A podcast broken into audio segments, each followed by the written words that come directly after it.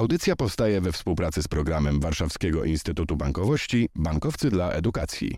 Trzy grosze o ekonomii. Dzień dobry, Piotr Topuliński. Z nami jest dziś dr Marcin Wojewódka, radca prawny, Kancelaria Prawa Pracy Wojewódka i Wspólnicy. Dzień dobry.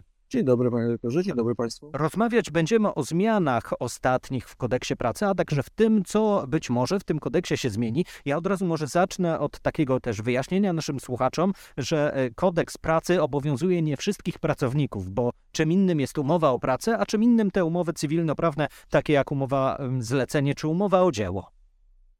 E, no tak jak najbardziej, natomiast no, oczywiście gros naszych e, zatrudnionych jest objęty przepisami kodeksu pracy i te zmiany, o których będziemy dzisiaj mówili, one dotyczą większości z nas.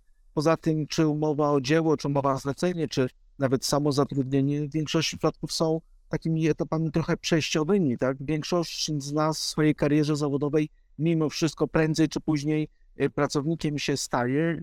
Dobrze, żeby wiedziało o tych uprawnieniach i o tych nowych e, rozwiązaniach, które niektóre właśnie za chwilę wejdą, niektóre to jeszcze są pieśnią lekkiej przyszłości. Otóż to, bo prezydent podpisał nowelizację kodeksu pracy, niebawem te przepisy wchodzą w życie, a w nich mowa jest e, innymi mm, o pracy zdalnej, z którą oczywiście się zapoznaliśmy w ciągu ostatnich trzech lat, gdy rozpoczęła się pandemia. Wielu z nas przeskoczyło na to życie przy laptopie, często w domu, choć w przepisach to tak Dopiero po jakimś czasie się pojawiło jakieś takie oficjalne przyznanie racji, że pracujemy z domów, bo wcześniej to były jakieś no, uchwały, rozporządzenia, słynne rozporządzenia, do których wiele pakowano.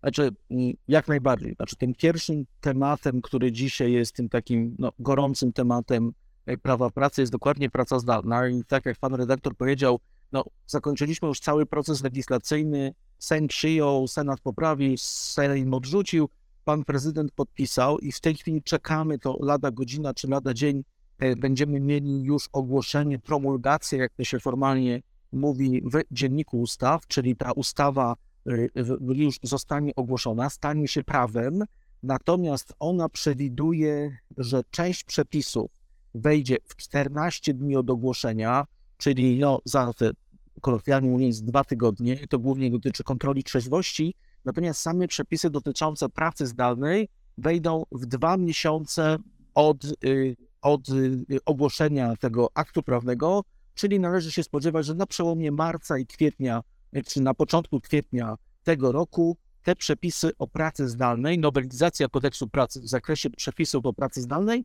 wejdzie w życie. Natomiast to, co musimy sobie jasno powiedzieć, że to jak dzisiaj, jeszcze w lutym 2023 roku pracujemy zdalnie, jest regulowane na podstawie takich przepisów covidowych, które oczywiście, tak jak pan redaktor powiedział, one miały różną, że powiem, dynamikę rozwoju, natomiast one były trochę taką, dzisiaj jest trochę wolna amerykanka. To znaczy, oczywiście myśmy się przyzwyczaili, że można pracować zdalnie, pewnie róż, różni pracodawcy w różny sposób uregulowali e, te kwestie. Bardziej jest to dzisiaj już praktyka niż, niż jakieś tam regulacje wewnętrzne. Natomiast to, co się stanie przyjmijmy roboczo tego 1 kwietnia e, tego roku, to praca zdalna zostanie w jakiś tam sposób ucywilizowana, tak bym powiedział. To znaczy, te nowe przepisy kodeksu pracy dotyczące pracy zdalnej trochę porządkują e, pracę zdalną, tą dzisiaj, którą mamy, troszkę ją formalizują, dają pewne uprawnienia pracownikom, pewnie to najważniejsze to jest tak zwany możliwość otrzymania ryczałtu, zaraz o tym pewnie więcej, mhm. więcej powiemy, ale z drugiej strony no, robią trochę porządku, tak? To znaczy, proszę zobaczyć, dzisiaj sytuacja jest taka, że jeżeli ja pracuję e, w domu, no to w sumie e, nie każdy pracodawca pyta się, czy ja pracuję przy odpowiednim biurku, czy przy, siedzę na odpowiednim ergonomicznym krześle. No tak, tak? bo w biurze musimy mieć fotel, on się obraca i tak dalej. To no, no, w, pracy, w pracy biurowej y, mamy dzisiaj bardzo ścisłe przepisy, które nam regulują, tak, że muszę siedzieć w pomieszczeniu, które jest wietrzone, muszę siedzieć w pomieszczeniu, które ma odpowiednią temperaturę, tak, y, w biurze. Dzisiaj w pracy zdalnej, tej covidowej, w której jeszcze jesteśmy, takich silnych przepisów nie ma. Natomiast proszę zobaczyć, że ta nowelizacja kodeksu pracy wprowadzi tak naprawdę przede wszystkim po tej stronie BHP, czyli obowiązek oświadczenia przez pracownika, że te warunki, w których świadczy pracę zdalną, tak, czy w tym z domu, czy, czy gdziekolwiek indziej, one spełniają wymogi BHP, to znaczy, że tam jest bezpiecznie, że tam jest odpowiednie napowietrzenie, odpowiednia temperatura, odpowiednie oświetlenie, e, a pracodawca przyjmie na wiarę, no bo pracownik potwierdzi, e, czy na piśmie, czy w jakiejś aplikacji elektronicznej, e, czy, czy w inny sposób, potwierdzi, że to, gdzie pracuje zdalnie, spełnia wymogi BHP, co jest oczywiście, no bo to pracownik, tutaj, tu mamy taką pewną zasadę takiego no, podzielonej odpowiedzialności, prawda, no bo dalej, gdyby się wydarzył wypadek przy pracy, to pracodawca odpowiada, natomiast no, musi wiedzieć, musi być pewien, e, że rzeczywiście siedzę sobie na e, wygodnym fotelu, prawda, czy takim, który spełnia, czy w miarę ergonomicznym, a nie na jakimś przysłowiowym zydejku czy ryczce, jak to, jak to w Poznaniu się mówi. Przed chwilą było o pewnym ryczałcie, który będzie można otrzymać za pracę zdalną. E, a jak e, jest w, też w sytuacji tej pracy zdalnej, którą e, niektórzy wykonywali w kawiarniach? I pracodawca, rozumiem, że teraz musi wiedzieć, gdzie my będziemy siedzieli z tym laptopem. Już mówię, to znaczy w tej nowej koncepcji pracy zdalnej pracodawca z pracownikiem ustalają, gdzie będzie świadczona praca zdalna. Tak? I teraz oczywiście, jeżeli pracodawca u siebie w porozumieniu czy w regulaminie, bo będzie wprowadzone takie źródło zakładowego prawa pracy, jakim jest porozumienie między pracodawcą a związkiem zawodowym, albo regulamin, jeżeli nie mamy związku zawodowego, regulamin pracy zdalnej, tam pracodawca będzie określał, czy gdzie można prowadzić czy świadczyć tą pracę zdalną. Oczywiście pewnie zdarzy się tak, że będą dalej pracodawcy, którzy pozwolą na świadczenie pracy zdalnej e, poza miejscem e, zamieszkania, chociaż większość też praktyki, tak jak widzimy to, co dzisiaj się dzieje, no to raczej chodzi o to, żeby e, ta praca jednak była świadczona z pewnego określonego z góry miejsca, chociażby dlatego, żeby jeszcze nawiązać do BHP, o którym mówiłem wcześniej, że pracownik musi oświadczyć, że w tym miejscu, w którym będzie świadczył pracę zdalną, są spełnione te bezpieczne i higieniczne warunki. No, jako, albo na przykład warunki dotyczące ochrony poufności danych. No, przecież często my na naszych laptopach mamy różne tabelki, rysunki, cyferki, które niekoniecznie chcemy, żeby stały się, czy nasz pracodawca niekoniecznie chce, żeby stały się y, publiczne. Żeby ktoś zerkał nam ze stolika obok. Ale na dokładnie. Więc na przykład na lotnisku, tak, no czasami niektórzy nawet pracują na, na lotniskach, no to nie ma zapewnionej takiej co do zasady bezpieczeństwa danych. Więc co do, zas- znowu, co do zasady powinno być tak, że pracownik z pracodawcą ustalają to miejsce pracy zdalnej, ale które jakby w miarę stałe, prawda, na jakiś tam okres i się ustala, że pod takim takim adresem ja będę świadczył pracę zdalną, no bo musimy sobie jedną rzecz powiedzieć. Praca zdalna różni się co do zasady od pracy standardowej, tej, którą prowadzimy, którą świadczymy w biurze, tylko tym, że jest inne miejsce świadczenia pracy, że musimy dojechać, tak, ale wszyscy dojechać do tej pracy. Natomiast, y, no bo przysłowiowego łóżka na kanapę się przesiadamy, prawda? Ale obowiązki też y, trzeba wykonać. Ale dokładnie, godziny pracy są takie same, obowiązki, e, że mamy świadczyć aktywnie pracę, mamy e, spędzać ten, czy wykorzystywać ten czas pracy na pracę, a nie na oglądanie seriali na jednej czy drugiej platformie streamingowej. To nie jest czas, żebyśmy chodzili na zakupy, to nie jest czas, żebyśmy poszli do fryzjera, czy, czy naprawiali, naprawiali samochód, czy cokolwiek. My mamy pracować. Jedyna różnica w pracy zdalnej, czy komuś się to podoba, czy nie, to jest, znaczy, czy są dwie. Po pierwsze, miejsce świadczenia pracy, a po drugie, sposób jej świadczenia, bo komunikujemy się z pracodawcą za pomocą laptopa, telefonu, czy innego, nie wiem, tableta, czy innej rozwiązania, chociaż dzisiaj tak w firmie, i tak jak siedzimy w biurze, prawda, to też tego samego zresztą, zresztą używamy. Rozumiem, że w Natomiast- tych e, przepisach też e, mogłoby pojawić się stwierdzenie, że pracodawca nam zapłaci na przykład za internet albo za e, koszty prądu, bo teraz przecież jest tak drogo i gdy korzystamy z komputerów kilku, z drukarki, ładujemy telefon, no to przecież można Panie by to jakoś podpiąć, no. nawet nie, że mogło, Mhm. ale będzie musiało. To znaczy, te nowe przepisy o pracy zdalnej wprowadzają dwa rodzaje płatności przez pracodawcę na rzecz pracownika. Dobrze je sobie zapamiętać i rozróżniać. Czyli jeden to jest tak zwany ekwiwalent, a drugi to jest ryczałt.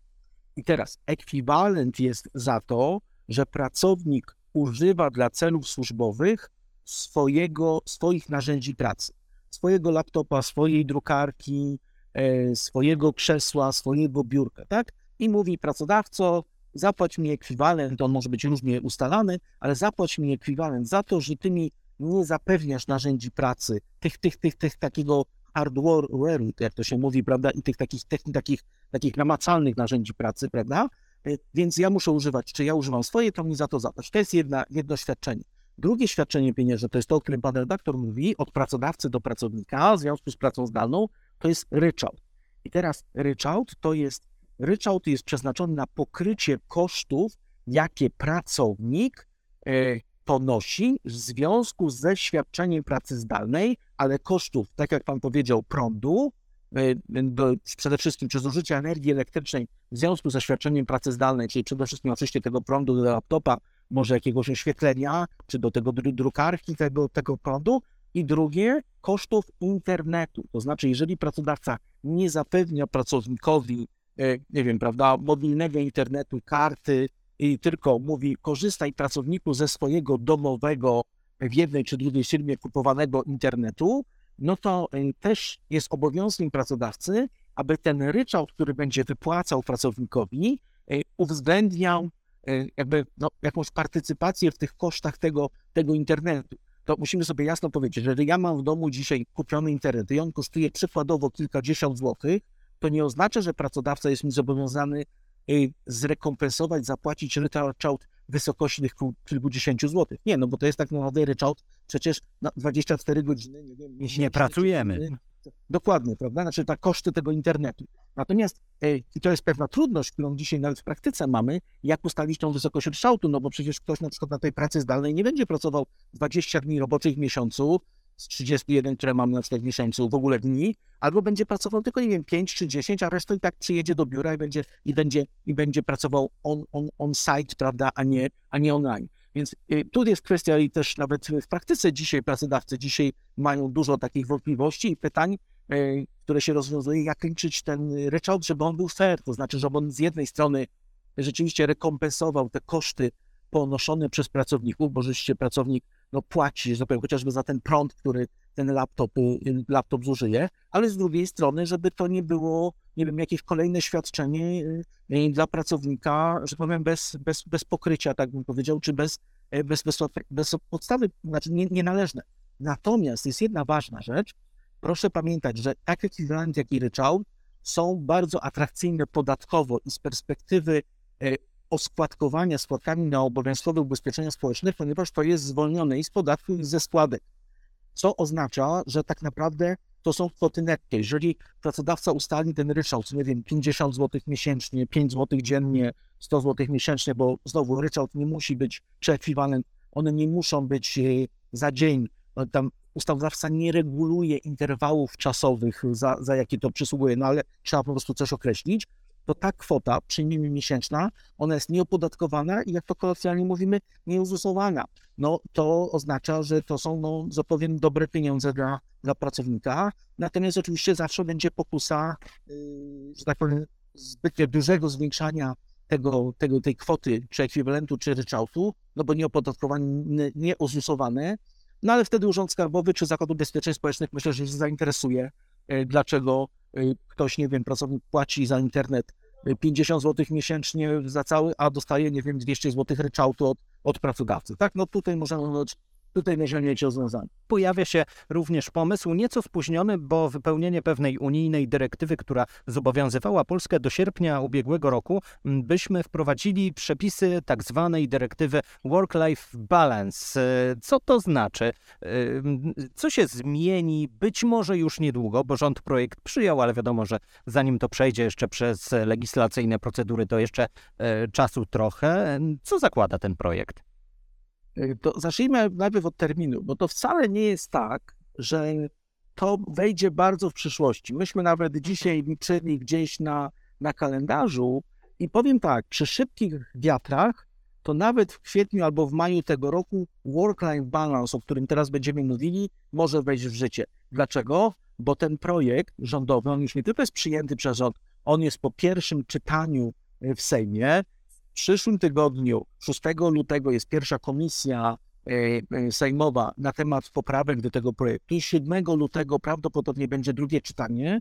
E, ja powiem tak, ten, ten, ta ustawa, jeżeli przejdzie nawet nie w takim ekspresowym tempie, jak niektóre ustawy przechodzą w naszym kraju, ale w takim w miarę szybkim, to ona może trafić do Senatu jeszcze w, w lutym i wrócić do Sejmu w marcu. 21 dni wakacje legis. Ja nie wiem, czy na Wielkanów przy szybkich wiatrach work-life balance już nie będziemy mieli. Ale co to jest work-life balance? Work-life balance to są dwie dyrektywy europejskie. Oszczędźmy słuchaczom tych wyliczeń, tam tych, tych, tych cyferek, które to Mhm. są dyrektywy, ale to są dyrektywy, które nakazują państwom członkowskim, żeby było jasność, to jest prawo europejskie, wprowadzenie pewnych propracowniczych rozwiązań do lokalnych porządków prawnych.